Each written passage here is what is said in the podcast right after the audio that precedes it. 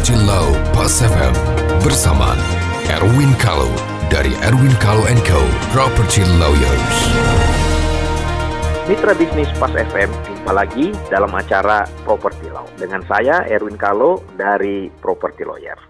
Kali ini kita coba membahas tentang dampak daripada corona ya COVID-19 ini sudah merambat ke seluruh aspek kehidupan kita termasuk aspek bisnis, agama ya beribadah juga akan terdampak. Tempo hari saya pernah membahas tentang dampak daripada virus ini terhadap serah terima bahwa serah terima properti bisa saja telat. Yang berikut ini dampak terhadap virus ini terhadap pembayaran KPR, kredit kepemilikan rumah. Kita ketahui bersama bahwa rata-rata KPR ini kan adalah e, masyarakat yang berpenghasilan menengah, ya, menengah-menengah dan menengah ke bawah. Yang tentunya yang sangat terdampak terhadap keadaan seperti ini. Nah, bagaimana aspek hukumnya apabila KPR ini macet dan apa yang perlu kita antisipasi? Dalam hukum, atau biasanya dicantumkan dalam perjanjian itu ada istilah force majeure ya. Force majeure ini adalah suatu keadaan di luar kemampuan para pihak ya tentunya di luar kemampuan dan di luar kemauan para pihak yang mengakibatkan hak dan kewajiban para pihak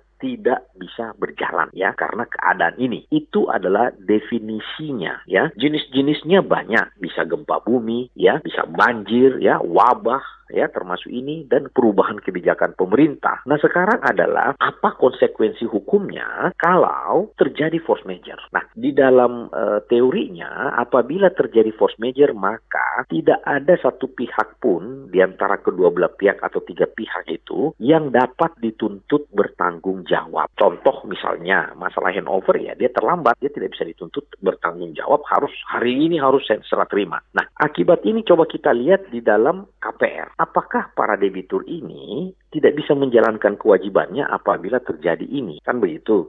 Nah, tentunya kalau itu terjadi berarti dia tidak dapat dikatakan wan prestasi atau ingkar janji terhadap kewajibannya. Membayar cicilan ini kan dia per bulan. Kalau misalnya gajinya macet atau gajinya dipotong atau apa, kan tentunya purchasing powernya jangankan berkurang, bisa hilang. Nah, rata-rata KPR ini kan menengah-menengah dan menengah ke bawah yang tergantung gaji bulanan. Tetapi penundaan ini kan mesti ada batas waktunya. Sampai kapan? Nah, kita lihat kebijakan pemerintah. Pemerintah misalnya mereka ada pembatasan sosial terbatas sampai 19 April. Kerja di rumah sampai ah, ini kan menjadi ini, tidak bisa juga selamanya. Nah, penundaan pembayaran ini tidak menghilangkan kewajiban pokoknya, yaitu angsurannya. Nah, angsurannya itu tidak hilang, bisa dibayar setelah masa force major itu berlalu. Nah, tetapi kan ada akibat atau ada konsekuensi. Biasanya kalau orang nunggak kan dikenakan denda atau penalti, ya kan? Nah, ini denda dan penalti ini harusnya tidak dikenakan karena kan di freeze selama masa force major utangnya itu kan di freeze sehingga denda dan penalti juga tidak dapat dikenakan di masa force major ini. Tetapi memang di sini bank juga tidak bisa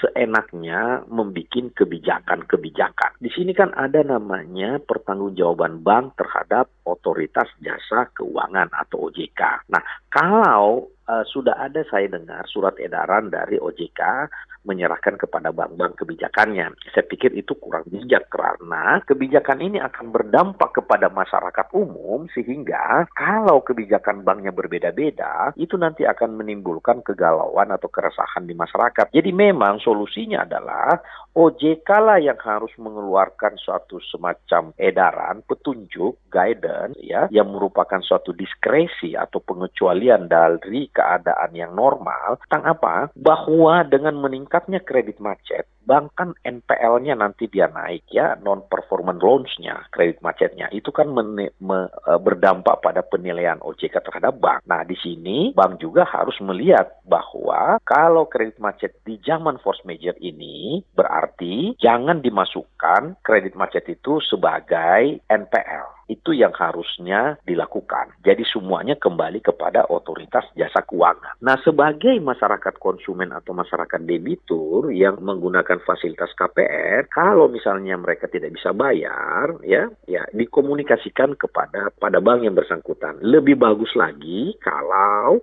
bikin surat secara tertulis. Sehubungan dengan adanya ini kami kesulitan ya cash flow atau keuangan ini maka kami tidak sanggup ah, minta untuk ditunda angsuran ke berapa ke berapa ke berapa hingga masa Covid ini selesai misalnya. Dan kedua adalah kita minta untuk selama penundaan ini tidak dikenakan denda atau penalti. Nah, dua itu. Jadi saran saya bagi mitra bisnis yang ada KPR-nya atau KPA, segera bikin surat kepada bank yang bersangkutan yang isinya permintaan atau permohonan penundaan angsuran dan tidak dikenakan bunga. Dengan demikian, ada bukti tertulis Anda telah melakukan itu. Nah, oleh karenanya, di sini juga mudah-mudahan dari pihak OJK juga mendengar dan segera membuat semacam standarisasi perlakuan bank terhadap para debitur-debitur yang kemungkinan besar akan terjadi kemacetan ini ya. Saya kira demikian Demikian saran singkat ini mitra bisnis, semoga ada manfaatnya. Sampai jumpa.